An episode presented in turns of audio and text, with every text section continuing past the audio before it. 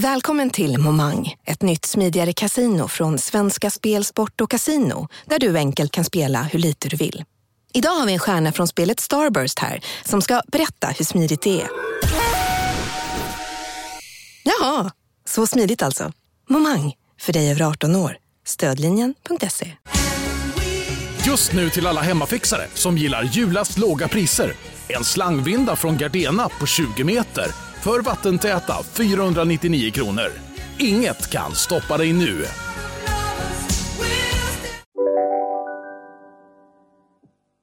Idag onsdag när avsnittet släpps är en väldigt speciell dag. För idag öppnas hela det svenska samhället igen. Äntligen! Och ett öppet samhälle leder ju till roliga saker, eller hur Erik? Ja, så är det sannoliken.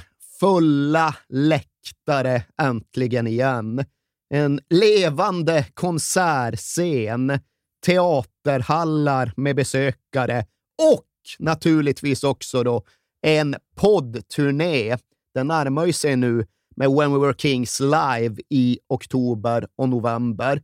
Och för att det är en så speciell dag och för att det kliar lite extra mycket i kroppen så är vi också jätteglada att kunna meddela att vi utvidgar vår turné med ytterligare två datum till två städer ja, där vi verkligen har känt oss efterfrågade. Vi vet inte riktigt vad som hände med logistiken från början, men vi kände ju att det här måste vi åtgärda och korrigera. Så nu kommer vi även till Malmö Ja! den 8 november och vi avslutar sedan på utländsk mark, men i en stad som ändå känns som vår hemmaplan redan. Vi stänger hela det här turnépaketet i Oslo Ja! den 18 november. Och De här biljetterna finns nu att få tag på via All Things Live och det gör ju alla andra turnébiljetter också. Det är så gott som slut i Stockholm de två första datumen på Rival, men där har vi ju satt in en tredje dag. Och det är så gott som slut i Göteborg, men vi tror ändå att ni ska kunna hitta en väg fram till de plåtar vi behöver. Och så ses vi där ute framöver. Det gör vi. väldigt mycket fram emot det.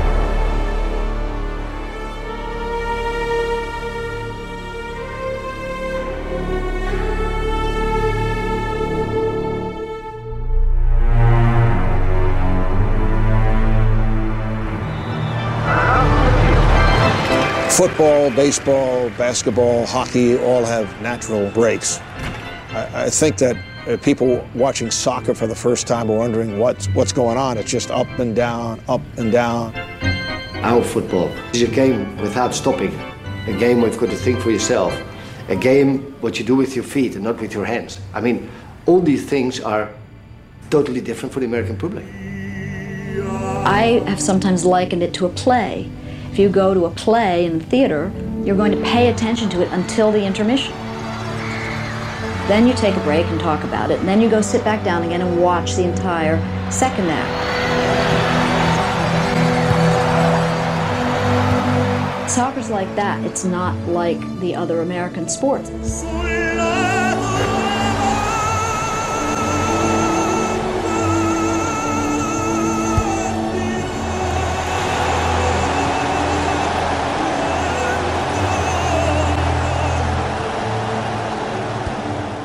It's about tradition. People in, in the rest of the world are passionate about soccer. There's no passion in America about soccer.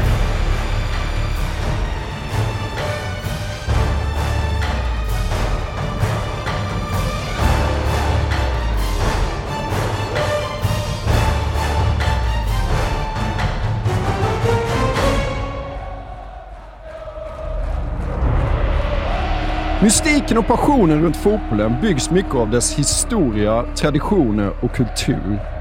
Flera fotbollsklubbar i England är över 150 år gamla och det är en ryggsäck fansen bär med största stolthet och vördnad.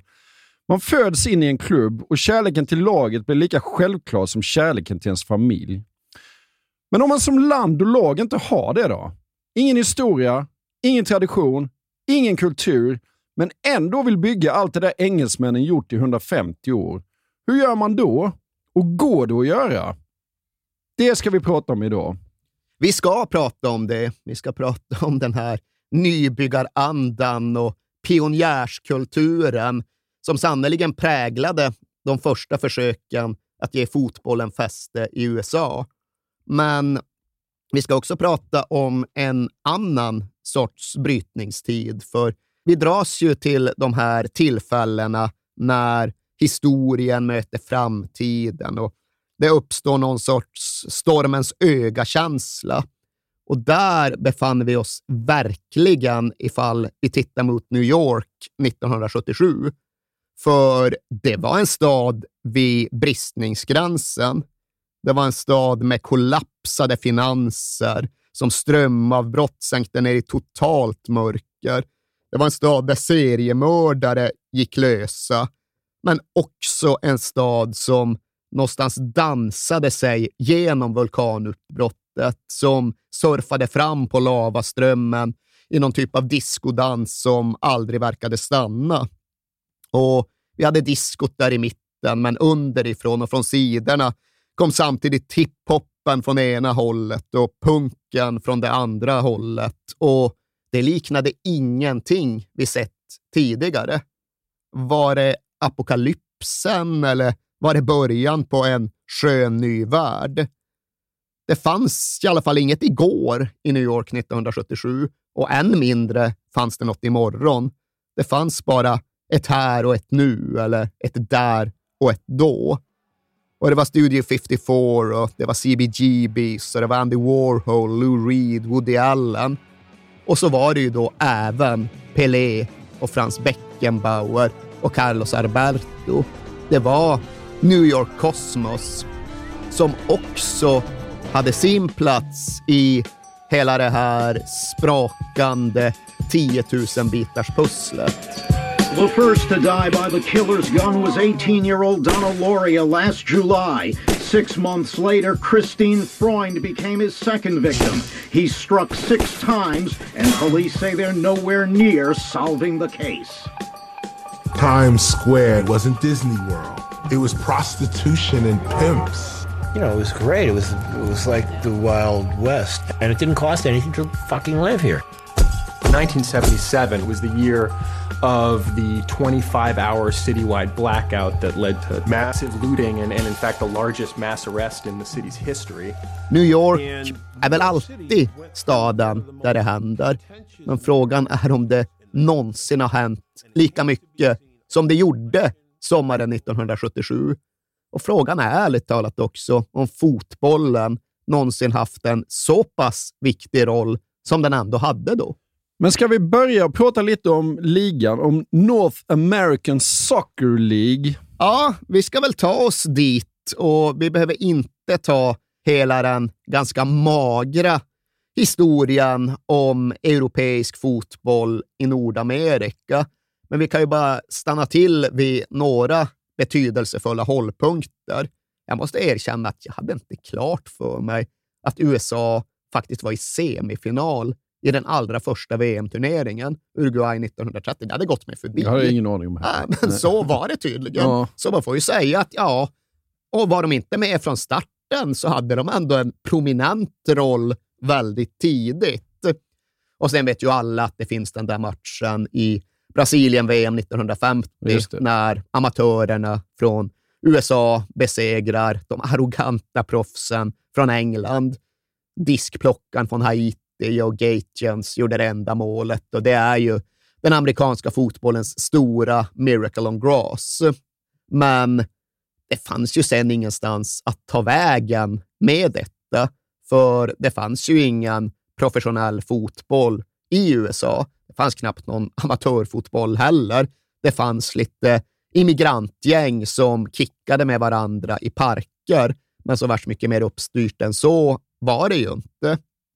Och du nämnde NASL och dit kommer vi väldigt snart. Men det första försöket att etablera professionell fotboll i USA, det skedde några år tidigare. Det skedde 1960 då ISL skulle få fotfäste var det tänkt. The International Soccer League. Och den hette ju International av en anledning. För ja, matcherna spelades i USA, men det var ju inga amerikanska klubbar med, utan ja, det är ju en historiskt brokig samling av deltagarklubbar som då åker till USA under sina egna säsongsavbrott för att eh, utkämpa något som var tänkt att bli en typ av klubblags-VM, men som istället blev ja, men, någon form av intertoto-cup på en främmande kontinent. För ja, alltså, du kan titta egentligen överallt i hela Europa, eller ja, överallt i hela den etablerade fotbollsvärlden och hitta deltagarnationer. Östeuropa, det kan du skriva. Det är Dukla Prag och det är Gornik Zabrze och det är Dinamo Bukarest och det är en hel bunt andra klubbar. De etablerade stora fotbollsnationerna, ja men absolut, engelsmännen skickade Blackburn och Burnley. Tyskarna skickade Bayern München något år. Espanyol åkte över och Monaco åkte dit och ja, Palermo var på plats. Italienarna var kanske inte så tända, men ja, Sampdoria var i och för sig också där. Och svenskt deltagande, jajamensan, sånt hade vi. Det var väl Norrköping som var med redan den första säsongen 1960. Sen åkte Elfsborg dit 62 och Helsingborg var där 63. Och som ni märker var inte det här ändå en ensommarsfluga, utan det pågick ett halvt årtionde, men det blev ju ingenting, förutom en väldigt besynnerlig historisk fotbollsparentes. Ja, just jävlar, det där pågick också. Ja. Och någon gång när man har mer tid, mer utrymme att breda ut sig än vi har i vår podcast. Ja. Då får vi ringa någon av de gamla Elfsborgsspelarna och höra lite mer om hur det egentligen var att delta i International Soccer League. Mm. Men dit ska vi inte nu, utan nu ska vi vidare mot NASL, den första riktiga amerikanska proffsligan, som dock även den behövde en egendomlig typ av lead-in. För 1967, där vi nu är framme, ja, då var det två separata organ som fick för sig att på varsitt håll bilda varsin proffsliga. Det fanns NASL, men det fanns också NPSL, en typ av piratliga som, ja, alltså, den är nästan ännu märkligare, för det de gjorde det var att de hyrde in internationella klubbar för att spela, men den här gången under falska namn, för de hade liksom inga internationella tillstånd. Mm. Och det, ja, men visst, vi tar Wolfstoke och Sunderland från England. De får bli LA Wolves ja. och Cleveland Stokes och Vancouver Royals. Cagliari från Italien, ja, men det är Chicago Mustangs. och New York hade något lag, men det var Cerro från Uruguay i förklädd form. Och det var en PSL och det fattar man väl att ah, det, där, det där blir nog inte särskilt varaktigt. Sen hade vi även en tidig protoversion av NASL, men även det var någon sorts piratliga som inte hade fullt mandat från Fifa. Och Det innebar att även om de kunde ha riktiga klubbar baserade i USA i sina egna namn, så hade de typ inga som kunde spela för klubbarna. För några amerikanska spelare, det fanns typ inte. Det fanns Nej. inga amerikanska spelare som var utbildade och som var skickliga nog för att ens kunna ha någon förhoppning om att dra publik. Så de skulle ju varva hela sina rosters, hela sina trupper.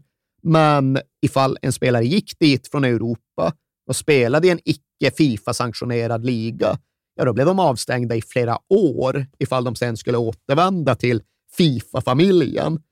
Och det är klart att på de premisserna går det inte att värva någon spelare under 36. Nej. Det enda du kan värva är folk som var på väg att lägga av. Så ja, men det här gick ju inte heller, det förstår ju alla. Och till sist så fick ju en ESL och en lov att snacka ihop sig, både sinsemellan och därefter med Fifa och de andra fotbollsorganen.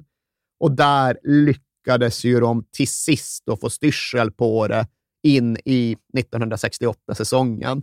Då tillkom det en ja, men, riktig fotbollsliga med ett riktigt regelverk och en någorlunda klar idé.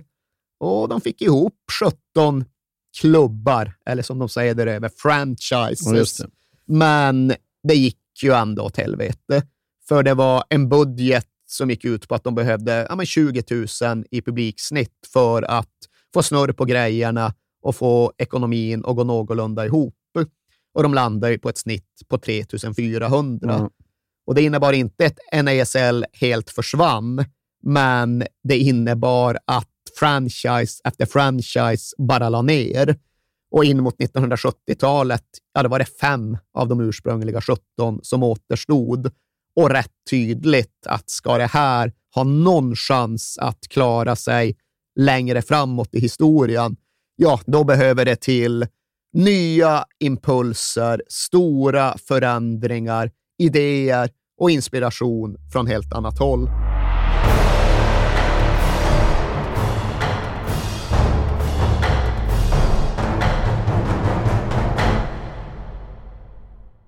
Jag vill inleda med att säga att det är garanterad jackpot på 13 miljoner på Stryktipset. Och fy fasen. Ja, visst. Skulle du behöva 13 miljoner eller? Ja, det skulle jag verkligen. Men vi måste säga först att vi är ju sponsrade av Stryktipset. Ett spel från Svenska Spel, Sport och Casino för dig över 18 år. Yes, och stödlinjen.se finns där för dig om du har problem med ditt spelande. Nej, men 13 miljoner ja. jackpot på Stryktipset, det är ju inte fel.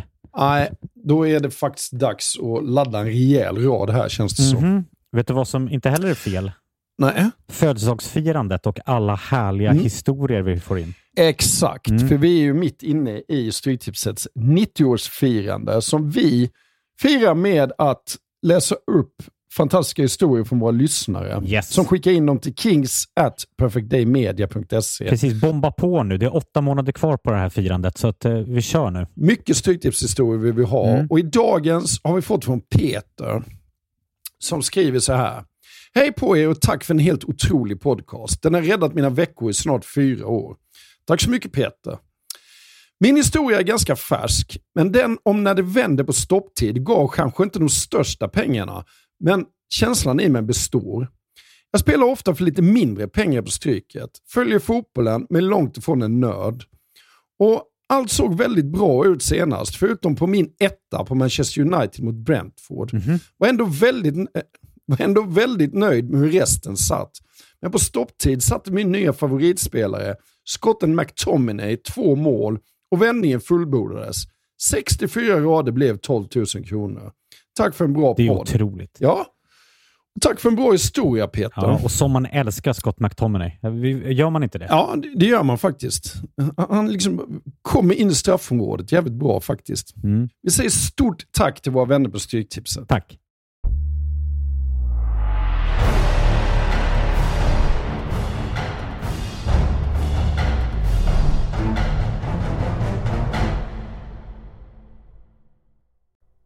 Då är det väl dags att introducera nästa namn som kanske inte är värd biografitid, men nästan ändå.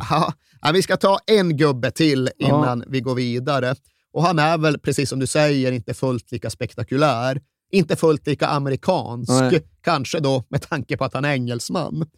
Och nu pratar vi då om Clive Toy, ja, men en kollega till oss, får ja. vi väl nästan säga. För han var i grunden sportjournalist på The Daily Express men efter hemma-VM och det engelska guldet 1966 eh, så tyckte han väl sig ha rundat det livet rätt mycket. Han hade, för att prata idrottsamerikanska, run, sprungit runt alla baser, slagit sin homerun, gjort hela varvet och var rätt och slätt ute efter nya äventyr och kom därigenom att blicka mot USA. Han kom också att drivas av den här idén om att kolonisera den stora vita fläcken på fotbollens världskarta. Och ja, men Han blev ett namn i den lilla ankdamm som var den amerikanska fotbollen, the American World of Soccer, under 1960-talets andra halva. Han blev general manager för ett franchise som hette Baltimore Base.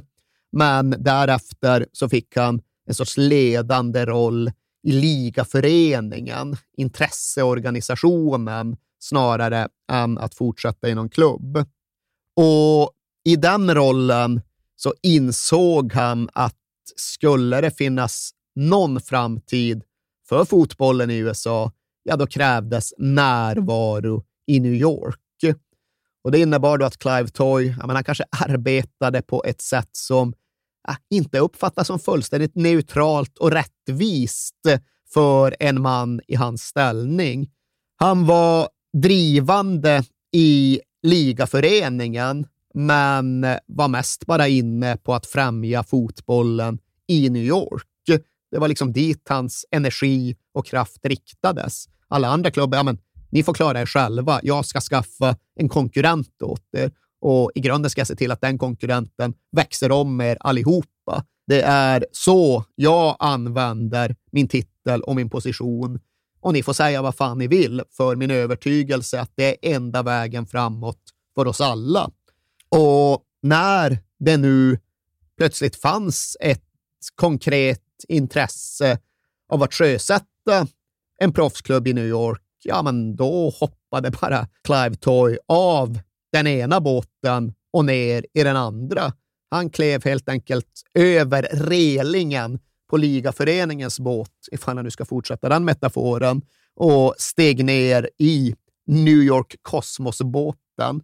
Han blev general manager för den nya klubben och ah, det var faktiskt han som såg till att den skulle heta New York Cosmos. Det var inte bestämt innan han klev ner och det där var ja, men såklart ett viktigt steg i den tidiga brandingen.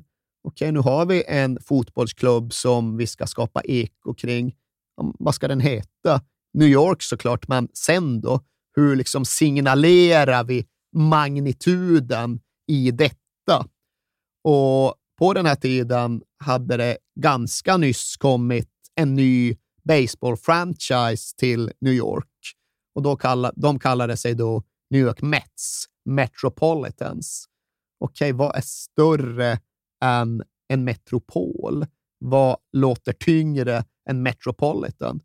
Ja, men Cosmopolitan ja. såklart. Cosmos. Och det är liksom, ja, det får man ju säga att de nailade. Ja, det är ett genialt namn. Verkligen som, ja. utifrån vad de ville signalera.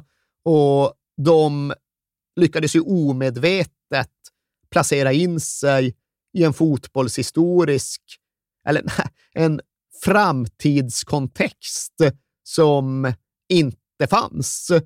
För idag kan man ju säga att ja, vad fan, det nu Kosmos sen skulle försöka sig på, det är ju någon sorts tidig variant av Real Madrid och deras Galacticos-satsning. Ja. Och där limmar det verkligen ihop. De var Kosmos och sen kommer Galacticos. Ja, ja. vad fan. Ja. Hänger samman. Hänger samman.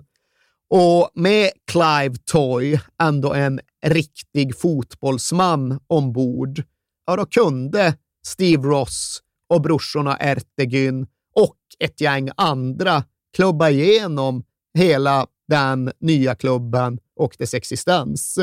Den 10 december 1970 så pröjsar de in den årliga deltagaravgiften på 25 000 dollar för att få vara med i NASL. Och i april 1971 spelade de sin första match och det kom 3701 åskådare. Och det kanske andra hade upplevt som nedslående och avskräckande, men det här är amerikaner, det här är entreprenörer och de tittade sig bara omkring och sa att ja, men, the growth potential from ground zero was tremendous. Ja. Här finns det tillväxtpotential. Ja. Och absolut, det var fan det enda som fanns. Det var tillväxtpotential.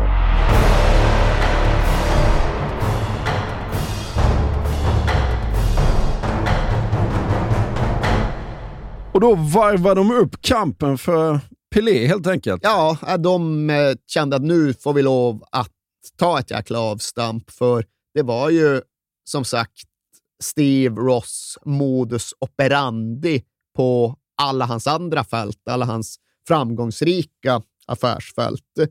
Lägg in pengar, slå på den stora marknadsföringstrumman, knytt till dig stjärnor.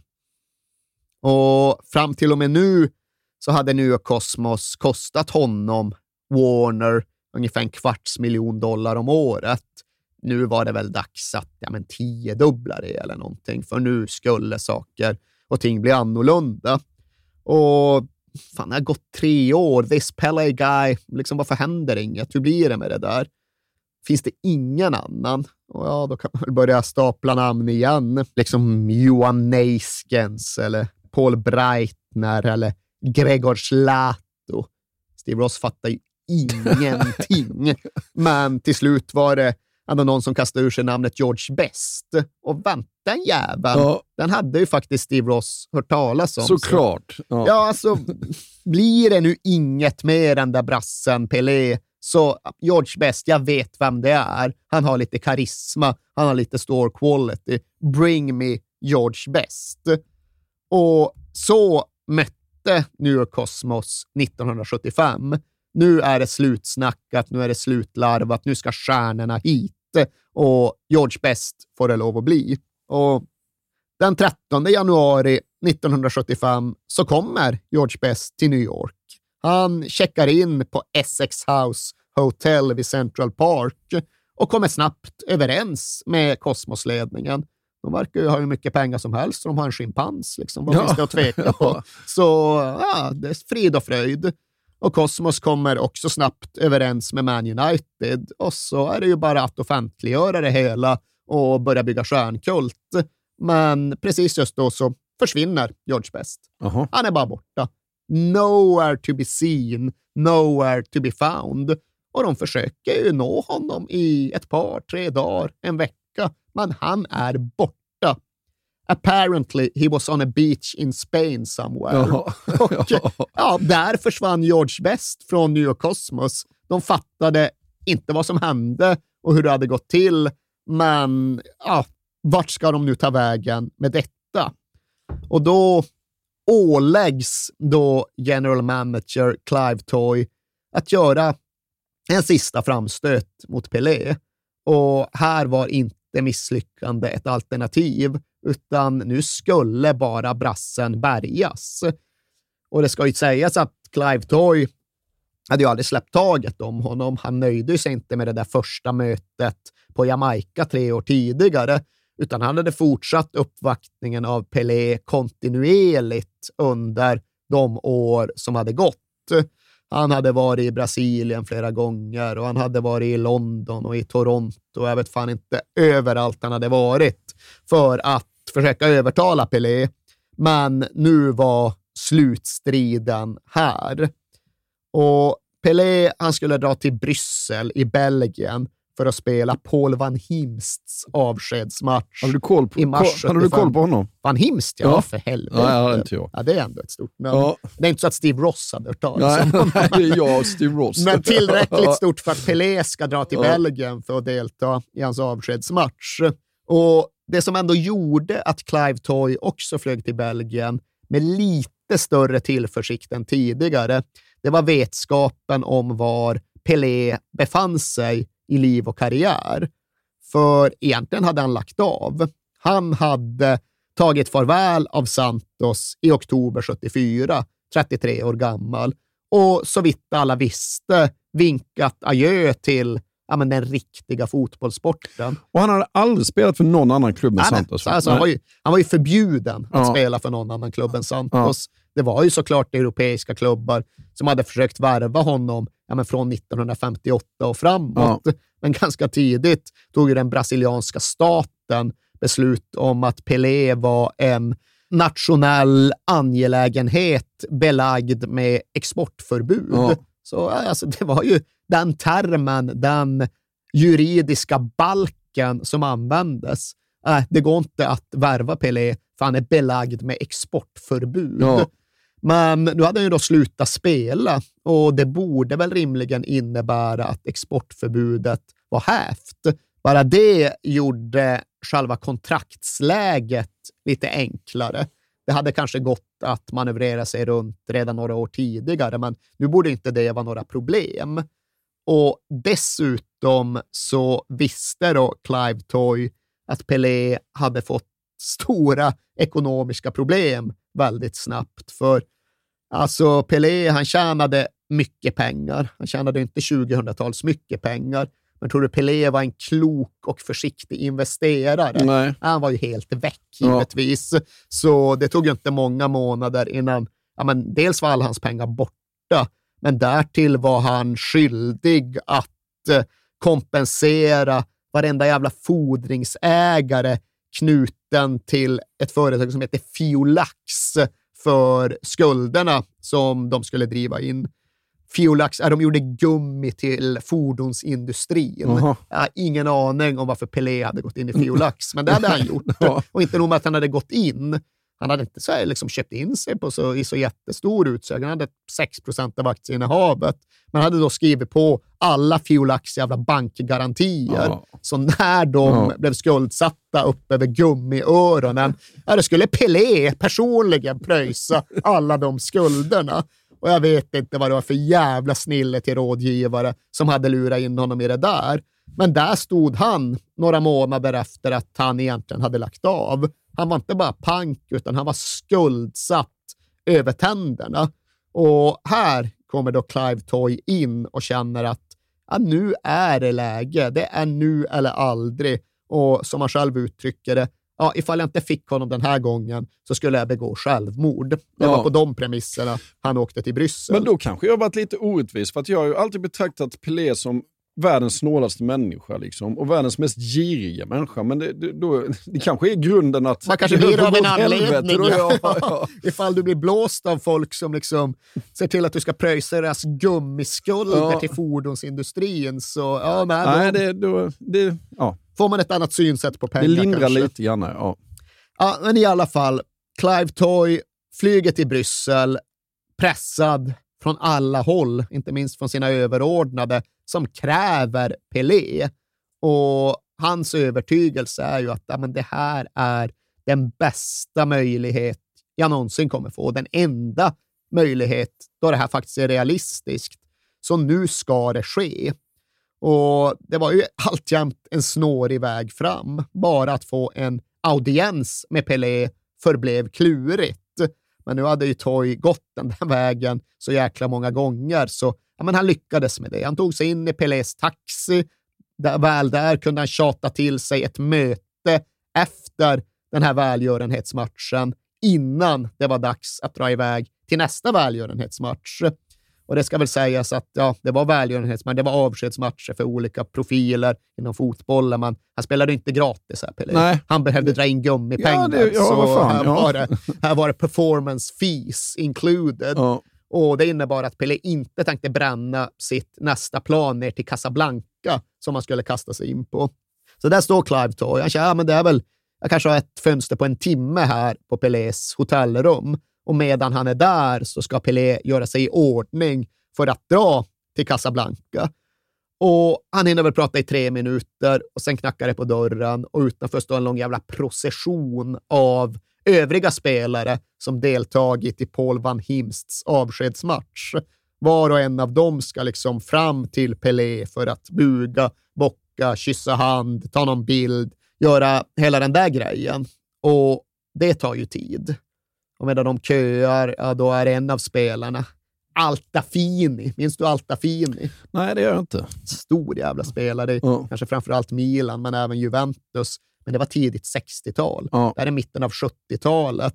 Och Clive Toy blir mest bara trött när Altafini försöker tjata till sig ett kontrakt med New York Cosmos, 37 år gammal. Tror du Steve Ross har hört talas om Altafini? och det kände ju Clive Toy också. Men fan bort med den här jävla Altafini. Jag måste bearbeta Pelé. Till slut får han iväg Altafini och de andra spelarna och ska precis då sätta in den stora värvningsstöten. Men Pelé står ju och byter om till Casablanca-stassen och han spräcker byxorna. Mycket bekymrad, meddelar att det här måste åtgärdas innan vi kan prata vidare. Då får alltså Clive Toy dra iväg på hotellet för att försöka hitta någon som kan agera sömmerska och få tag på någon städerska där som tydligen har den kompetensen. Iväg med henne, in med henne på rummet och då bryter hon samman då hon inser att det är Pelé som står framför henne. För hennes man hade då haft Pelé som idol, men nu har mannen precis gått bort. Och då är det klart att det blir oerhört emotionellt laddat att stå framför den här avgudade fotbollshjälten som binder henne samman med sin mans öde. Ja. Och Clive Toy hör allt detta, men Clive Toy känner sig inte så berörd. Clive Toy känner sig stressad och måste få iväg hushållerskan. Och till sist lyckas han med det, men då är ju nästan hela den där tidsramen redan spräckt. Så ställer sig Toy liksom med ryggen mot, han blockerar liksom dörren. Ingen in, ingen ut. Det gäller dig också, Pelé, tills du skriver på det här provisoriska kontraktet. Och det är inte riktigt Leo Messis servett, men det är ändå bara liksom ett papper från hotellskrivbordet som Toy bara drar fram och mer eller mindre bara tvingar Pelé att skriva på. Och det är väl inte helt juridiskt bindande.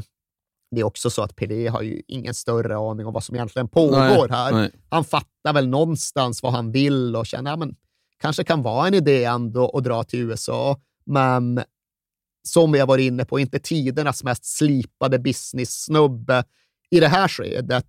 Så han skriver väl bara på något mest bara för att bli av med den där jobbiga jävla engelsmannen så han kan dra till Casablanca och tjäna in lite mer gummipengar. Men därefter så känner Clive Toy att ah, men nu har fan jag gjort mitt. Ja. Han återvänder till USA och till Warners huvudkontor på Rockefeller Plaza och viftar med sitt papper. Ja, men här är liksom ett informellt medgivande från Pelé. Här säger han ändå att han är okej med vår ramöverenskommelse. Han ska komma till New York och spela. Nu får ni lösa resten med hans folk. Och då påbörjas den delen av processen. Och Warners toppjurist, han var egentligen mitt uppe i förhandlingarna med Robert Redford och Dustin Hoffman om alla presidentens män, rollerna som skulle spelas i den filmen. Men nu lyfter bara Steve Ross bort honom därifrån. Äh, skit i de där jävlarna. Du ska till Brasilien och du ska få Pelés formella underskrift på ett bindande kontrakt. Och juristen bara, men, fan Pelé? Ja, exakt så var det. Ja, exakt så var det. Brasilien, Ja. Jaha, jag ska dit. Ja. Men väl på plats så var det ju såklart inte så enkelt som de hade hoppats. Dels skulle själva överenskommelsen med Pelé och hans folk få sin ekonomiska form. Och därtill så återstod tydligen det här problemet med den brasilianska staten. Jaha, ska han spela nu igen, Pelé? Nej, men då gör vi nog som vi har gjort tidigare, att vi ser honom som just en naturresurs belagd med exportförbud. Så nej, han får inte gå. Vi kan kanske diskutera att ifall han kör ett år till med Santos så kanske vi kan hitta något därefter, men nu blir det inte aktuellt. Och det där fattar ju till och med Steve Ross och topparna på Warner att det där är inga goda nyheter. När liksom själva staten börjar prata förbud, så ah, vad har vi för motdrag här egentligen? Ah, Vi går väl till Vita huset. Liksom. Ja. Presidenten har det lite körigt precis nu, men vicepresidenten han borde väl kunna lösa det. Ja, han lyssnar, men han vet ju inte vad fan Pelé är Nej. för något. Så. Nej, jag, alltså jag lämnar över. Jag lämnar över. Ni ska få, liksom, ni har oss i ryggen, jag hör er, men ah, ni får utrikesministern, för utrikesministern, det är eran gubbe.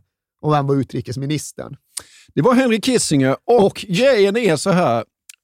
Vad hade han för tyskt favoritlag, Erik? Det har vi pratat om förr. Greuther Fürth Det, det var då, brann det var då du höll på att dö av chock när jag sa att jag, jag visste inte vad Greuter Fürth var. Och du bara, skämtar du? Nej, det var ju chockartat. Ja. Och då ska de möta Greuter Fürth. Och det jag måste erkänna, jag har aldrig hört talas om det, det laget. Jag trodde... Är du allvarlig? Ja. ja. Greuter Fürth har jag aldrig hört talas om. Det är ändå lite upprörande. De var stora som fan på 20-talet. Jaha. Vet du vem eh, deras, du ska veta fast det är Greuther Fürth, men vet du vad deras stora claim to fame är förutom att de, är, att de var bra på 20-talet? Nej. Det är- pratar vi 20-20-talet nu? Nej, eller? nej, nej. nej. Alltså- 1920-talet? Ja, ja, men vad fan. Ja, nej, det vet jag inte. en av deras största supportrar och för den delen tror jag även en före detta spelare i klubben.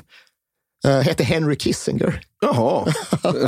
han, uh, tror fan han är från, från Fürth från början. Ja. Uh, han blev, vad fan blev han? Han blev utrikesminister, var secretary of state ja, ja, oh, i USA. Oh, ja, oh, ja, under Nixon. Ja. ja, exakt. Och ja, flydde väl nazisterna helt enkelt. Men nej, han är, han är Greuther Fürth to the core. Ja, då vet vi det. En storstilad klubb med svensk lagkapten numera. Vem är han? Ja, det vet jag fan.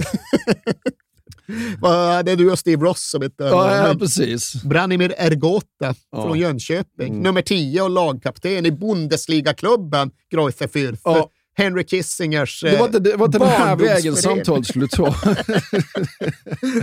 Jag kommer aldrig glömma Greuther Fürth och Henrik Kissinger i varje fall. Nej, det var ju hans klubb när han växte upp, men sen blev det ju lite hektiskt där nere i södra Tyskland, runt Nürnberg, under en period av historien. Så ja, Henry Kissinger och många andra hamnade i USA istället. Men precis som för brorsorna Ertegün så hängde ju kärleken till fotboll med till det nya landet. Ja, han var ju fotbollsintresserad på riktigt. Han var Han var fotbollsintresserad Löfven liksom, i Ja, de här nej, sammanhangen. Ja. Typ att han var en av de där 1700 som faktiskt gick och såg på New York Ja. Cosmos och hade överseende med Harold the Chimp för att han ville kolla på Ja. fotboll. Så det var en rätt jävla bra snubbe att ha som Secretary of State i det här läget. Och Kissinger, han tände ju på alla cylindrar. Det finns en chans att Pelé kommer till vårt land, till ja, min klubb, som jag ser det som numera vid sidan av Greuther Fürth. Det här ska vi få att hända. Och ja, men Kissinger han ringer personligen till Pelé och verkligen försäkrar sig om att han är ombord. Där finns det inga problem. Okej, bra. Pelé vill komma. Då ska Pelé komma. Och sen skickar han liksom telegram till den brasilianska presidenten, alltså den främsta företrädaren för det som då fortfarande var en militärdiktatur i Brasilien och liksom ja, men uttryckte sig på ett sätt som i diplomatins förtäckta värld ändå är väldigt tydligt. Skulle Pelé kunna gå till New York Cosmos, då skulle det på ett substantiellt sätt bidra till tätare band mellan USA och Brasilien. Sen fanns det ytterligare några kringformuleringar om eh, idrottens fält och betydelsen av samarbete genom sport. Men det räcker ganska gott så. Men då Ja, alltså, det. är ju, det är ganska liksom, det är rätt bra trumfkort att ha i sin värvningsportfölj ifall man ska försöka skriva kontrakt med fotbollsspelare. Och där undanröjdes då det sista stora hindret för att den här ja, men rätt otroliga övergången ändå skulle förverkligas.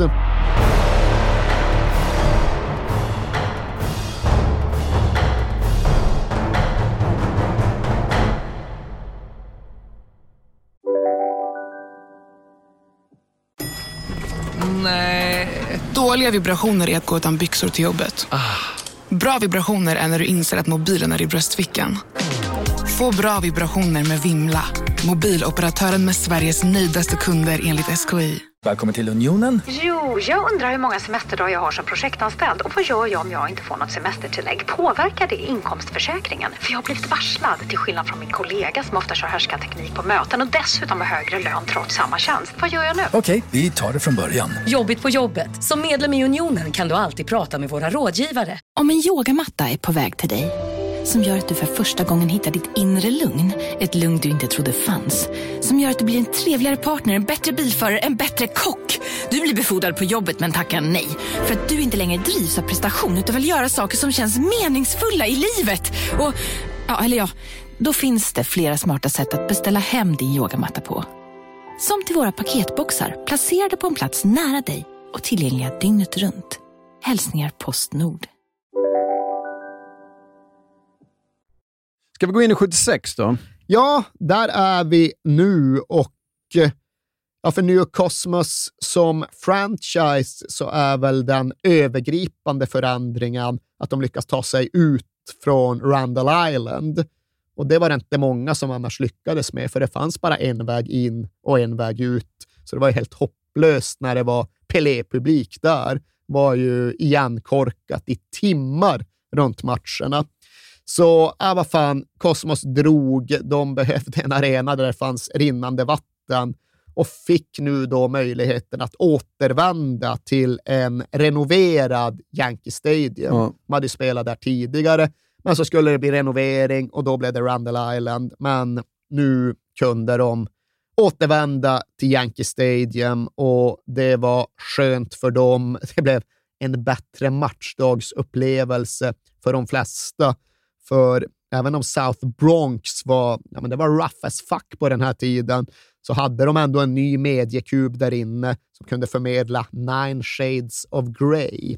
Och har man Nine Shades of Grey, ja då har man någonting. Och har man Pelé, ja då finns det ju potential i truppen, men det fanns också ett förstärkningsbehov.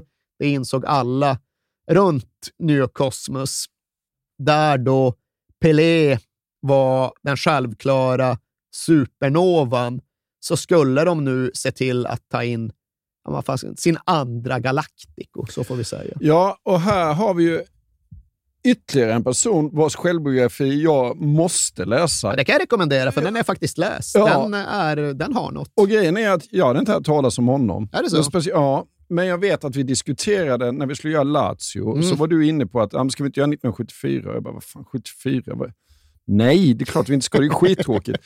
och så läser jag om Giorgio Chinaglia och jag bara känner, vi måste göra Lazio 74. Vi måste berätta om Italien på den här tiden och vi måste berätta om den här personen som är det känns som Tony Soprano är på fotbollsplanen. Ja, han såg ju exakt ut som Ja. Tony Soprano när han blev äldre och när han var lite yngre såg han exakt ut som Jake LaMotta, alltså boxaren som var tjuren från Bronx. Alltså så cool som man bara... Ja. Och det var han medveten Ja. om, kan jag ju meddela. Ja, men, som du är inne på, Giorgio Chinaglia, en superprofil, en superkaraktär, ett superego som vi då framförallt känner som storstjärnan bakom Lazios första scudetto 1974. Då var han skyttekung och då var han fanbärare för ja, men ett osannolikt jäkla rövarband. Och det persongalleriet är också fullspäckat. Men Giorgio Chinaglia skilde ändå ut sig.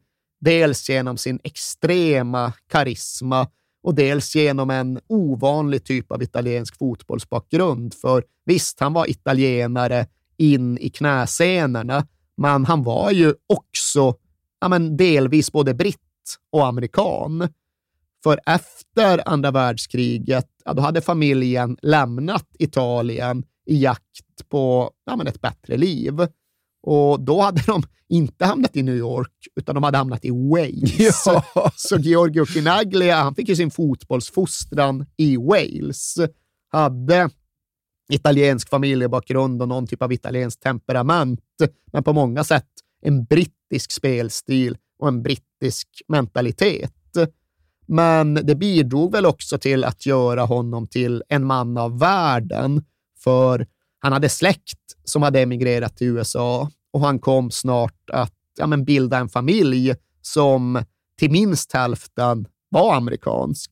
Frun han träffade var amerikanska och familjen började tillbringa mycket tid i USA. De var där på semestrarna de köpte hus där. Och det får då konsekvensen att en lite häpen Clive Toy en dag sitter på sitt kontor och möts av en instövlande Giorgio Chinaglia. Och Clive Toy var inte Steve Ross, utan han var ju en fotbollssnubbe med koll, så han visste ju såklart mycket väl vem Ja. Giorgio Chinaglia var. Herrejösses Lazios stora gud, killen som var med i VM 74 för Italien. Vad gör du här? Jo, nej men så här, jag har ju hus här i USA nu och min fru är amerikanska och det är riktigt jävla jobbigt att vara i Italien ibland. Eh, Romanisti hatar mig och folk ska kidnappa mig och vi tänker nog faktiskt flytta till USA för att få en annan sorts tillvaro. Och här kommer ni in. Så här är det, herr general manager, att antingen så ser du till att värva mig till New York Cosmos eller så köper jag en annan franchise, tar över min egen klubb. Och där stod Clive Toy och kände att jaha, finns den här möjligheten? Så får vi väl se till att aktivera den, men Det var värst vilken påstridig herre den här Kinaglia tycks vara. Och han var ju också, det var ju ingen föredetting, han var ju i primetime. ju. 29 tror jag Ja. att han är i det här läget. Vunnit Och- Serie A's skytteliga, precis. Ja, ja. liksom var kapten för Lazio. Ja. Jag tror han satte något hattrick borta mot Napoli, typ det sista han gjorde. Och var ja, men en av de stora profilerna i Serie A. Förmodligen den största profilen i fotbollsstaden Rom. Och det är ju en status som kan kosta, som kan komplicera. Giorgio Canaglia was the leading scorer of the Italian club Lazio in 1975. I was the highest paid player in Italy, and therefore I was a bit unhealthy. When I first met him in, in Rome, I was in his car and he had a gun in the glove department. Oh, you know, I, I, I said, what the hell am I doing here? He thrust himself upon us. His time in Italy was running out. He was been thrown off the national team. I mean, it was the easiest signing of a, a name player that anyone could ever have. Och som sagt, det blev klaustrofobiskt för honom i relation till alla romanisti, men nu när han då förklarade att han skulle lämna Lazio och Rom, ja, då fick han alla laziale i nacken. Liksom, de var desperata. Den sorgen av att förlora Kinaglia gick ju inte att mäta. Så skrönan är ju i alla fall att istället för att sätta sig på Alitalia-flighten direkt från Rom till USA, som han ju tvungen att boka om. Han var tvungen att ta ett privatplan till Paris och därefter flyga till USA. För hade han suttit på det där Alitalia-planet, då fanns det Lazio-anhängare som hade förklarat att de tänkte slänga sig framför planet för att hindra det från att lyfta. Och det är väl ytterligare en sån där skröda som kanske är svår att faktakolla, Ja. men som finns med i berättelsen och som förtjänar att upprepas. Och på samma sätt förtjänar det att upprepas att när väl Kinaglia kommer till New York så är ju den italienska communityn, hela Little Italy, är eld och lågor Ja. på New York-italienskt sätt. De drar ihop någon stor jävla välkomstfest, någon typ av välkomstbankett. Och på den tillställningen ja, ska de då ha gått runt med svarta sopsäckar och samlat cash som bara skulle lämnas över till Kinaglia för att han skulle känna sig välkommen. Ja. Det var så man rullade i det italienska New York 1976. Ja, sen har han ju den underbara egenskapen att han eh, verkade ofta prata om sig själv i tredje person också. Knaggliga, vi behöver bättre passningar. och så, ja. Ja, men han kommer Ja. då till New Cosmos och ser det ju som fullständigt självklart att han i alla fall är jämsides med Pelé i status. Han kan väl sträcka sig till att de just ska ha samma förmåner och fördelar, men det är inte tal om att han ska underordna sig. Så han kommer ju någonstans att utmana Pelé, både på och utanför planen. Vem är egentligen den största tuppen i den här hönsgården? Ja, men Kinaglia tycker att det måste vara Kinaglia, för Kinaglia är Kinaglia. Har nu Pelé ett eget kontor på Warners högkvarter på Rockefeller Plaza, då ska Kinaglia också ha ett eget kontor. Och som det alltid är med den här typen av personligheter i en fotbollskontext, så kan hela den där attityden, hela det där sättet att föra sig falla så oerhört platt direkt ifall det inte backas upp på planen. Ja. Men det ska vi ha med oss in i allt det här att Aman Kinaglia, som du sa, han var ingen föredetting, utan han var en världsanfallare i blomstring. Och han skulle ju göra ja, men det är nästan 200 mål på drygt 200 matcher för Koss. Han snittar nästan ett mål per match. Ja. Blev klubbens främsta målgörare någonsin, blev hela NASLs främsta målgörare någonsin.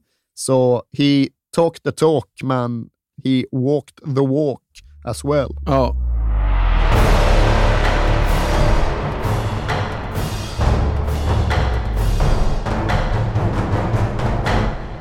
Och då är vi inne i den stora säsongen 1977. Mm, och Pelé dricker whisky för att försöka värma sig när det är kallt. Och Pelé till lite gnisslig in i spelåret.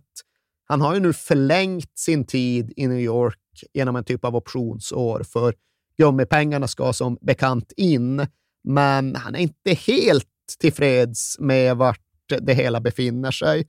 Han är tydligen sur över att inte laget har förstärkts mer och dyker upp försenad till försäsongen. Dyker upp först när det är en vecka kvar till säsongstart och det bara är några få pass som ska göras i New York-kylan innan det är dags att dra på försäsongsläger på Bermuda. Och där tinar väl Pelé upp lite grann. Han blir väl kanske ännu varmare när han insatt de två första bortamatcherna i Las Vegas respektive Hawaii. Ja. Och sen är det hemmapremiär i tredje matchen. Ja, och nu är det ytterligare ny hemmaplan som gäller för det nya Kosmos som inte längre heter New Kosmos. Av någon anledning så släppte de New York i klubbnamnet inför den här säsongen, så nu heter de rätt och slätt bara Kosmos. Och kanske kom det sig av att de nu inte längre spelade i New York, utan de spelade ute i New Jersey på Giant Stadium. Och Cosmos blir faktiskt de första hyresgästerna på den nybyggda jättearenan. Det är ju framför allt för, för att New York Giants ska spela ja. NFL-fotboll där som det här stället har byggts. Men de, deras säsong har inte hunnit börja när Cosmos drar igång. Och Det betyder då att det är upp till dem att försöka fylla 80 000 stolar i sitt nya hem. Och riktigt där är de ju inte när säsongen rullar igång. De har 27 000 på hemmapremiären och det är väl helt okej. Okay. De slår Rochester Lancers med 2-0. Kinaglia ju ett mål och Pelé ju ett till mål. Men här känner ju ändå Steve Ross och folket i Warner att nu är det ny nivå och det kräver saker både av oss och av alla andra. Här kan vi inte sitta med två tredjedels tomt, utan nu måste det till gammal beprövad cross-marketing här. Och det maskineriet tryckte då Steve Ross igång våren 1977. Han lät ju helt enkelt skapa ja, någon sorts filmpremiärskänsla runt Cosmos hemmamatcher. Han beordrade Warners stora nöjesprofiler att infinna sig då Cosmos spelade. Och från och med nu så var det ett stjärngalleri på läktarna på Giant Stadium. Det var Mick Jagger och det var Barbara Streisand och Robert Redford, och Elton John och Rod Stewart och fan vet alla. Det visste de inte själva heller, Nej. för de som berättar om det säger att ja, efter varje match så öppnades dörrarna till omklädningsrummet tio minuter efter slutsignalen. De öppnades för media 20 minuter efter, men 10 minuter öppnades de för den första vågen. Och det var då kändisvågen. Ja. Och det kunde vara precis vilka som helst. Och till saken hör ju också att Cosmos hade ju knappt några amerikanska spelare. Nej. Det var en handfull amerikaner, men de allra flesta var ju importerade. Och där satt det sydamerikaner och ex-juggar och hade ju ingen aning om vilka de här amerikanska kändisarna var. Det är klart att de stora filmstjärnorna, såklart, ja. men någon lirare som precis har givit ut en soulplatta på Atlantic, äh, det hade de inte full koll på. Och ja, det, ja, men det fanns väl även här någon kulturell skiktning för omklädningsrummet sades väl vara uppdelat på flera sätt. Dels hade Pelé sitt på sin front och Kinaglia sitt på sin kant. Dels fanns det en väldigt distinkt engelsk falang som stod i kontrast till både de amerikanska spelarna och den övriga världen. Och bland de engelska spelarna, där är det klart att ja, men, där stod Mick Jagger ganska högt i kurs. Ja, ja, ja. Där trivdes Mick Jagger även ganska bra.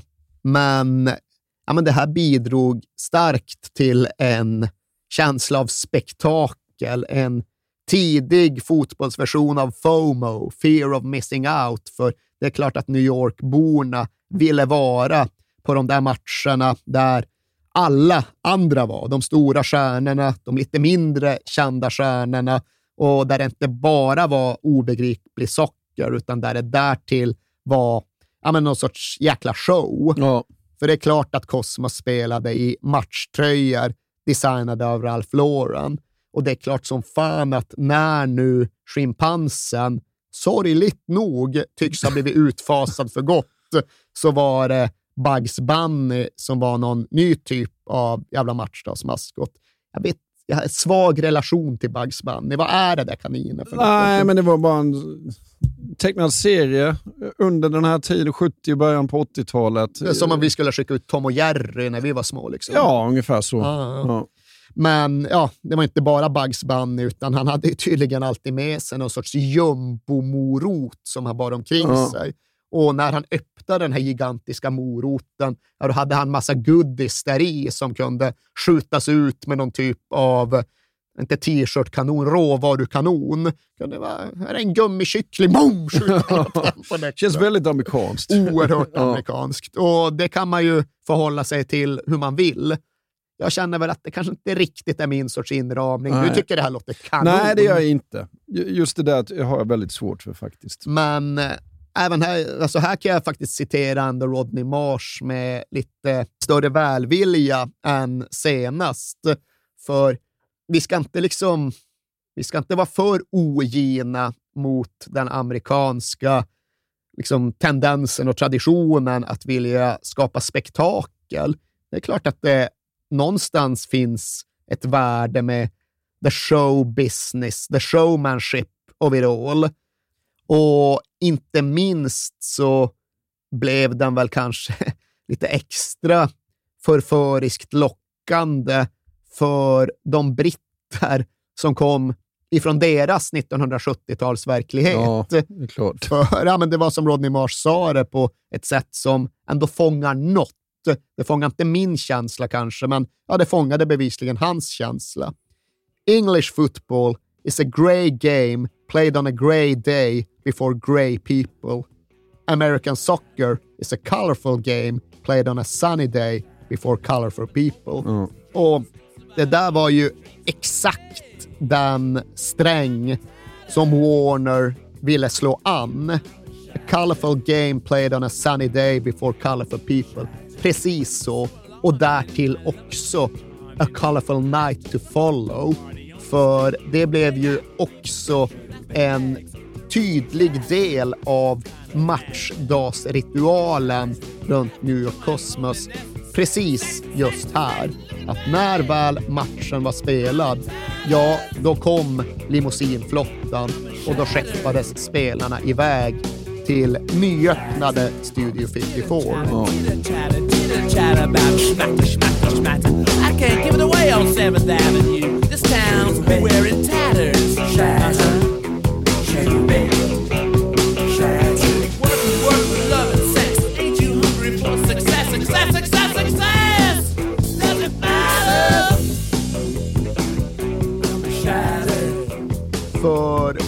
Portarna till det ja, legendariska hak, eller hak är fel ord, den legendariska nattklubben.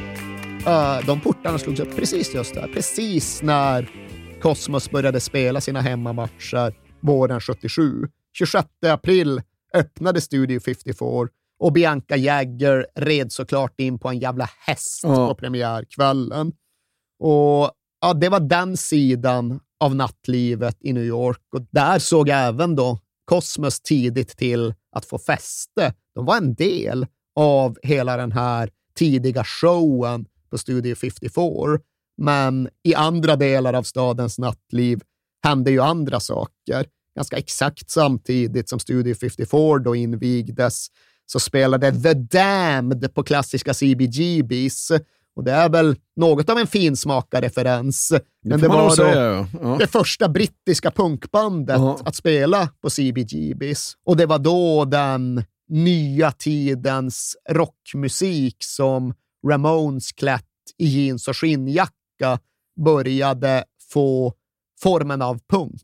Det var liksom då CBGBs rocken mötte Sex Pistols och The Clash och The Damned och kulturfenomenet som vi känner som punk fick sin form.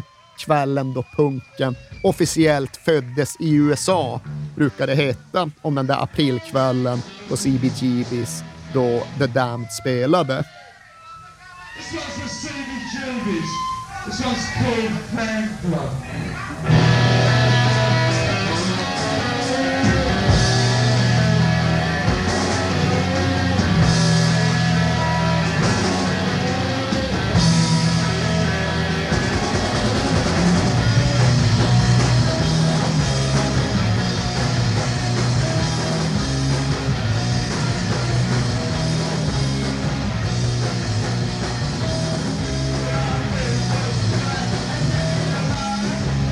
Och mitt i allt detta så spelas ju fotboll också. Ja, det blir en sån här period då vi får växla mellan fotbollsplanen och allt det där andra. Och Anu Cosmos, eller Cosmos som de numera enbart heter, de försöker väl få styr på sin säsong, men de börjar lite knackigt och förlorar mot rivalerna från Tampa Bay Rowdies återigen där i maj. Och bara två dagar efter den förlusten, ja, då kommer Steve Ross farande i helikopter till kosmos-träningen och låter bara meddela att nej, nu tänker jag inte längre tolerera underprestation och det mediokra, för det är en ny scen nu. Det är Giant Stadium och det är stjärnor på läktarna och det är nattklubbar efter slutsignalen, så vi kan inte vara ett medelmåttigt förlorargäng längre. Det ska ni ha jävligt klart för er, att nu får ni faktiskt lov att bli vinnare. Ja, men nästan exakt parallellt med detta brandtal och dessa uppmaningar så låter då Steve Ross värva nästa Galactico. Och det är fan inte ett för stort ord att ta till. Nej, de ringer, de ringer De Kaiser. Ja. Och, och Kaiser svarar. Ja, det borde han inte göra. Nej. Han borde i alla fall inte lyssna när han förstår vilka som pratar. För grejen här är ju att han är också rätt nära sin prime. Ja. Han är väl 31 eller något Ja. i den stilen. Och han är då lagkapten för det västtyska landslaget. Och året som följer ska de försvara sin VM-buckla vid världsmästerskapen i Argentina. Och ifall Frans Beckenbauer flyttar utomlands, ifall han flyttar till USA, ja, då får inte han lov att delta. För så såg DFBs statuter ut här i mitten av 70-talet. Inga utlandsproffs i landslaget. Jaha. Så om du gör den här flytten, ja, då abdikerar du ju även som Kaiser. Eller ja, då deserterar du från din roll som landslagskapten. Och där kan man ju tycka att diskussionen borde ha varit rätt stängd. Ja. Men lite likt Chinaglia i Rom så kände sig Kaisern trängd hemma i München. Dels hade han ja, men nästan på ett gummiliknande sätt dragit på sig en jävla massa skatteskulder. Jag vet inte exakt Jaha. vad som... Ja, men det är väl alltid just att ja, han har lämnat över sin ekonomi till någon skojare som inte skötte Ja. ordentligt. Så han skulle behöva trolla fram mer än en miljon D-mark för att pröjsa av det och det hade han inte haft någon vidare framgång med, utan han hade det riktigt knapert finansiellt. Han hade fått sälja sin villa i Grünewald och inte nog då med ekonomiska bryderier. Han hade därtill blivit en följetong i den tyska boulevardpressen, företrädesvis i Bild, eftersom att han hade haft en otrohetsaffär med någon sportfotograf och ja, det missade inte Bildt, kan jag meddela. Och Kaiser kände väl rätt och slätt att ja, men Västtyskland hade blivit för trångt. Ja. Han behövde frihet och den trodde han sig kunna hitta i USA. Den lockade så mycket att han sa farväl till sin landslagskarriär och korsade Atlanten. Och väl där så fick han sin helikoptertur över Manhattan bort till Giant Stadium och ja, blev imponerad som man blir ifall man tar den helikopterturen. Och några dagar senare, ja, då var även världsmästarkaptenen från 1974 New York Cosmos-spelare. Och då skulle Frans Beckenbauer förhålla sig till ja, men, allt det nya, Bugs Bunny och neddragna offside-linjer och straffsparksavgöranden och allt det där som vi redan har redogjort för. Därtill behövde han liksom vänja sig vid en ny ljudkuliss. Det var nästan det som slog honom starkast i början. Fan, jävligt förvirrande att varje gång han får bollen i backlin backlinjen och bara ska rulla den vidare så hör han hur det liksom dånar i högtalarna. Frans Beckenbauer!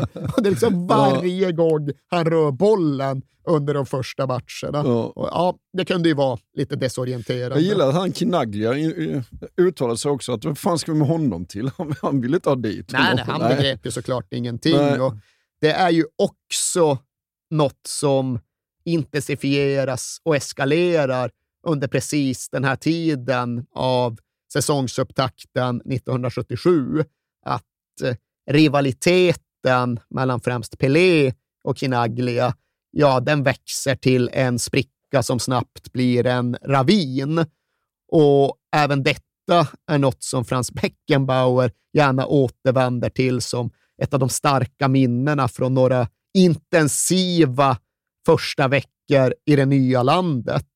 Inte nog med liksom helikopterturerna över Manhattan och högtalarmullret när han petar på en backlinjeboll, utan i omklädningsrummet så står Kinaglia och gnäller på Pelé, skriker på Pelé som, på ett sätt som till sist får Pelé att ja, men nästan bryta ihop.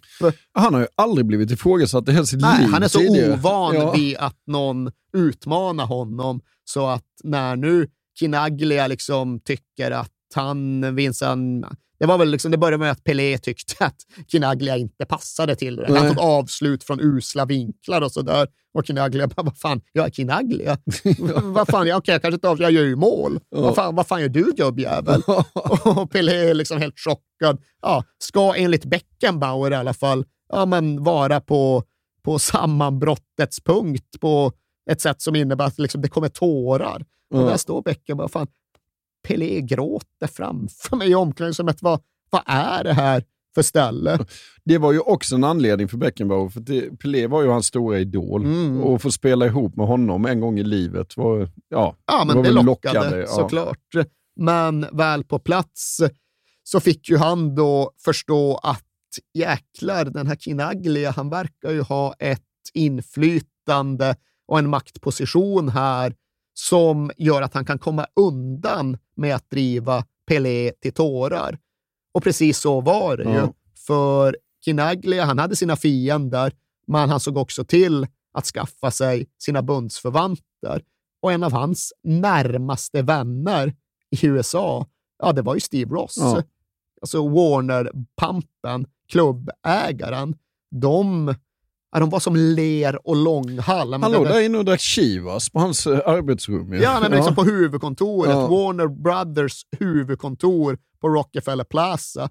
Dit kunde det komma någon journalist som fått audiens för att intervjua Steve Ross och då förbryllats av när de sitter där med en magnifik utsikt över Manhattan så slås bara dörren plötsligt upp. Det är inte så att någon knackar, Nej. utan dörren slås upp.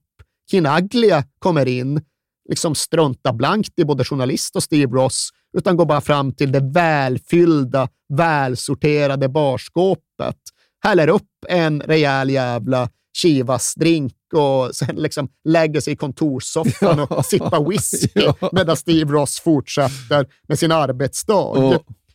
Och det här är en situation som absolut bidrar till att den sportsliga ledningen i New Cosmos får en helt ny riktning här försommaren 1977. För mitt bland alla Warner-figurer så har det ändå funnits några ja, men starka drivande fotbollsmän hela vägen från grundandet och fram till nu. Coachen har så gott som alltid varit Gordon Bradley. Han var borta under en kort period men kom sen tillbaka. Och det är då en riktig bootroom gräsrotstränare från den engelska fotbollen som väl främst hade spelat för Carlisle United. Ja. Så inte världens största namn, men en man av sidlinjen och omklädningsrummet.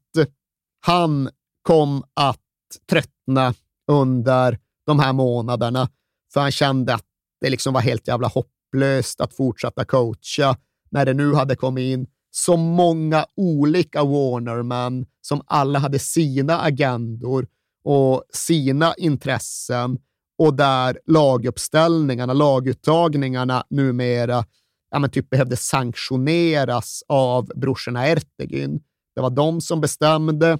Sen skickade de ofta ner Warners vicepresident, en kuban som heter De la Sierra, med liksom, ja, den faktiska laguppställningen ja. till coach Bradley. Jo, vi såg din skiss, men här är det riktiga laget. Ta ut det istället. Och Gordon Bradley sa väl just att ja, men jag fortsätter inte på de här premisserna, så antingen ändras mina arbetsvillkor eller så är det ingen idé att jag är kvar här. Nej, då är det ingen idé att du är kvar Nej. här. Och precis samma öde mötte ju då Clive Toy, alltså general managern, mm. att hans arbete kringskars och underminerades av ja, men, de talrika Warner-männen som bara blev fler och fler i takt med att kändissnurran runt Kosmos gick snabbare. Så även där blev det väl en situation då Clive Toy gick till ja, sin gamla bundsförvant Steve Ross och sa att ja, antingen så gäller mina beslut eller så fortsätter du bara lyssna på Kinaglia och låta honom styra klubben och då kan jag strunta i det ja, men strunta i det. Då. Knaggliga är ju my ja, man. Nej, det är Steve Ross gubbe. De, liksom, ja. de drog ju så på Frank Sinatras födelsedagsfest ihop och ja. hade the time of their lives. Ja. Men just här så slår ju liksom kändisifieringen av New York Cosmos över för gott. Det finns liksom inga fotbollsmän kvar i den sportsliga ledningen. Förutom då Georgio Chinaglia som var en fotbollsman, men ja, på lite, lite andra villkor och premisser än en tränare från Carlisle. Oh. I came May uh, 77. After three weeks, uh, Clive Toy, the president, he resigned. Gordon Bradley, the coach, he was fired. I said to myself, oh my God, where I am. Just weeks before he was fired, Bradley had dropped Kanaya from the first team. They didn't like me. I'm sure they didn't like me. So there's only one way that we can get rid of this guy, probably drop him. But they have little minds. They thought then I would ask for a transfer or something. Forgetting that some people push the buttons. Men den här strömavbrottsdagen så gjorde de ju en väldigt bra värvning också. Ja, det sammanföll. Saker sammanfaller i den här historien. Och ja, strömmen höll i sig tillräckligt länge för att Cosmos skulle kunna hinna faxa klart ner till Flamengo i Rio och göra klart med Carlos Alberto. Mm. Det räckte liksom inte att de hade världsmästarkaptenen från 1974. De skulle ha världsmästarkaptenen från 1970 också. Mm. Och Det innebar också ja, men en tydlig vändning, ett tydligt uppsving för New Cosmos säsong. För fram till och med den här punkten så hade det ju mest varit konflikter som hade präglat allt runt det sportsliga. Pelé och Kinaglia var sura på varandra och Kinaglia var sur på tränaren, så tränaren fick gå och general managern var sur på alla de som skulle bestämma, så han fick gå. Det var mest bara konflikter överallt och det gällde andra delar av idrottens New York också. Det var inte så att Cosmos var den stora grejen, men eh, det som ofta blir ihågkommet just så idrottsåret 77, ja, det var ju fan Yankees hade också ett helvete den här sommaren. För den franchisens två största profiler, Reggie Jackson och managern Billy Martin. Är man manager i baseball? Kanske man är. Det har jag ingen aning om. Någon form av ansvarig coach. De hatade varandra. Och det var inte bara de två största profilerna som då stod mot varandra, utan det där lästes som ja, men en uppgörelse mellan ras och klass och olika generationer. Så vart du än hittade hade du ju konfliktytor i detta New York, men på andra sidan strömavbrottet var det ändå som att någonting hade lättat. Inte minst då för ett New York Cosmos som nu hittade sportsligt rätt. För med Carlos Alberto i laget, då kunde de liksom trycka upp Frans Beckenbauer på mittfältet och då hade de alltså en centrallinje med Carlos Alberto i försvaret, Frans Beckenbauer på lite mer defensivt mitt, Pelé framför honom och Kinaglia längst fram som spets. Alltså det är ju Det är, rätt ja, det jävla är ju världsklass. Eh, alltså i hela världen, även på den tiden ju. Absolut. Och visst, supportapparaturen var ju inte lika stark, så de som vill tro att eh, New Cosmos 77 hade slagit Liverpool 77 har knappast rätt. Nej. Men de tankeexperimenten har ju gjorts. Ja. Det finns ju de som vill påstå att äh, men de hade världens bästa lag. Det hade de inte. De Nej. hade världens största stjärnor kanske. Ja. Men om inte annat hade de i alla fall nog för NASL. För ja, men in till strömavbrottet och värvningen av Carlos Alberto hade de gått igenom så här, ja, men förlustsviter. De hade torskat fyra av fem eller något i den stilen. Men räddningen bestod ju av att det spelar inte så jättestor roll, utan det är klart att de kravlar sig till playoff. Liksom 12 av 18 lag gick till slutspel och där kunde säsongen starta om på nytt med Carlos Alberto i laget. Och då gick det ju bra. Ja, ja, sen är de framme i semifinal och där blåser de bara förbi Rochester Lancers. De ja, vinner båda matcherna i ett dubbelmöte. Inget särskilt egentligen med de matcherna. Det mest notabla är väl att Steve Ross, eh, han har ju sin plats rätt högt upp på läktaren på Giant Stadium, ganska branta läktare.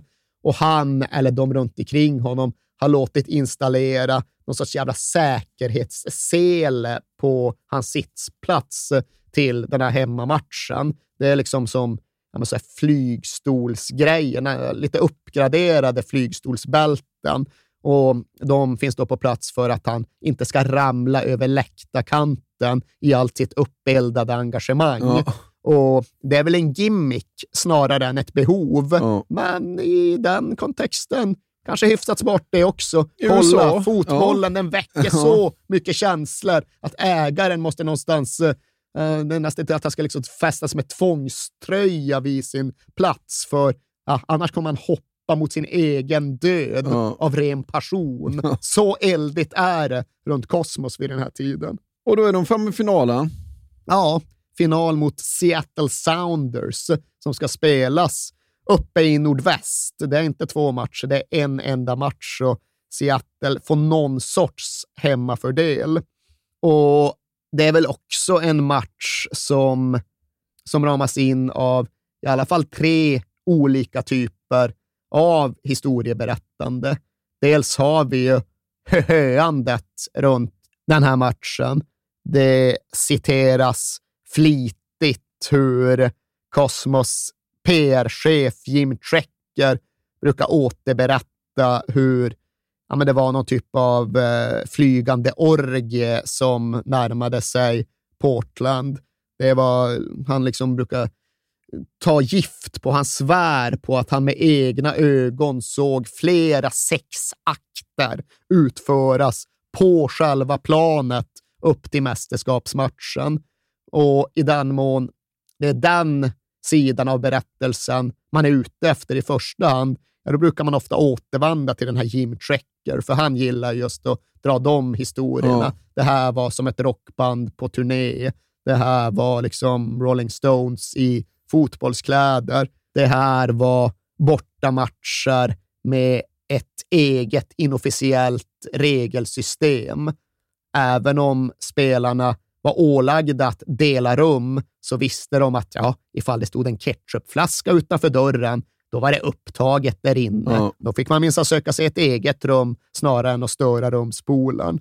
Men ja, han pratar ofta och gärna om den här matchen som en kröning av ja, men just det utsvävande New York Cosmos-livet. Och det fanns ju och det förekom ju och det hör historien till, absolut. Och Jim Trecker har liksom sagt det att ah, jag kan inte föreställa mig att någon grupp människor har haft en roligare tid än Cosmos i slutet av 70-talet. Det låter ju faktiskt inte så. jag håller nog med. Ja, det är rätt starka Ja. ord. Ingen grupp människor i mänsklighetens historia har haft det lika kul Ja, vad fan som... Beckham och dansa, men nu... Nej, trist är det inte, det fattar jag. Men, Ja. Och absolut, den prylen fanns ju där. Men runt finalen i Portland så är det klart att den stora mediala storyn var ju att nu ska Pelé göra sin sista riktiga fotbollsmatch. För så var det. Han hade förlängt sitt kontrakt en gång, men tänkte nu inte göra det fler gånger, utan nu skulle han lägga av. Och därmed var den här finalen ja, men kungens sista stora framträdande. Och det märktes även på plats. Kvällen före finalen så anordnade liksom, ja, men den amerikanska fotbollsfederationen, det amerikanska fotbollsförbundet, en stor jävla bankett på Hilton i Portland. Och det var inte en finalbankett, utan det var en Pelé-bankett. Och hela parollen för kvällen var att eh, USA ville tacka Pelé för att han givit fotbollen trovärdighet i nationen. Och ja, Sen fanns ju såklart även själva matchen. Lite av en bisak i den stora storyn, men såklart ändå betydelsefull där och då. Och Seattle Sounders, det var väl ett okej lag. Hade en ung Harry Redknapp i laget. Jaha. Eller en yngre Harry Redknapp Ja. i alla fall. Men Cosmos var favoriter och Cosmos förde hela tiden matchen.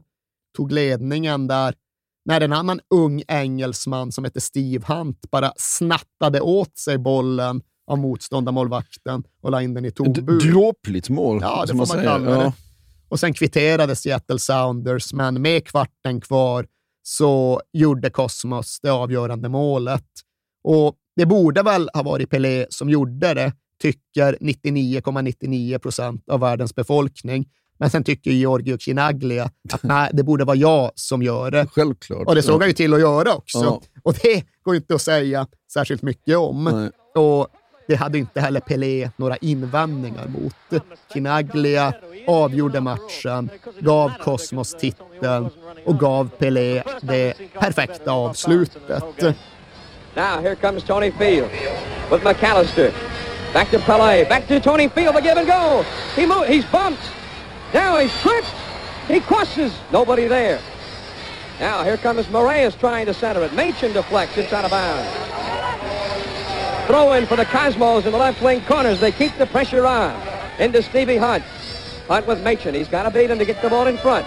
Here's the opening for Quinalia. Header. He scores!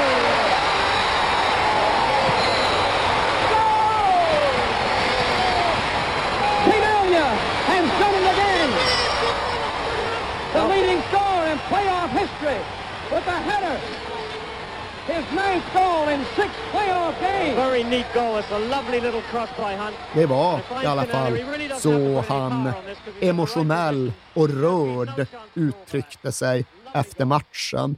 Då stod han liksom och började rabbla om sina titlar, sina världsmästerskap, sina framgångar med Santos och så nu även detta. Jag kan dö nu. Fotbollen har givit mig allt jag önskade av livet. Gå med mig Bakom skuggor ser du solen Och när du tvivlar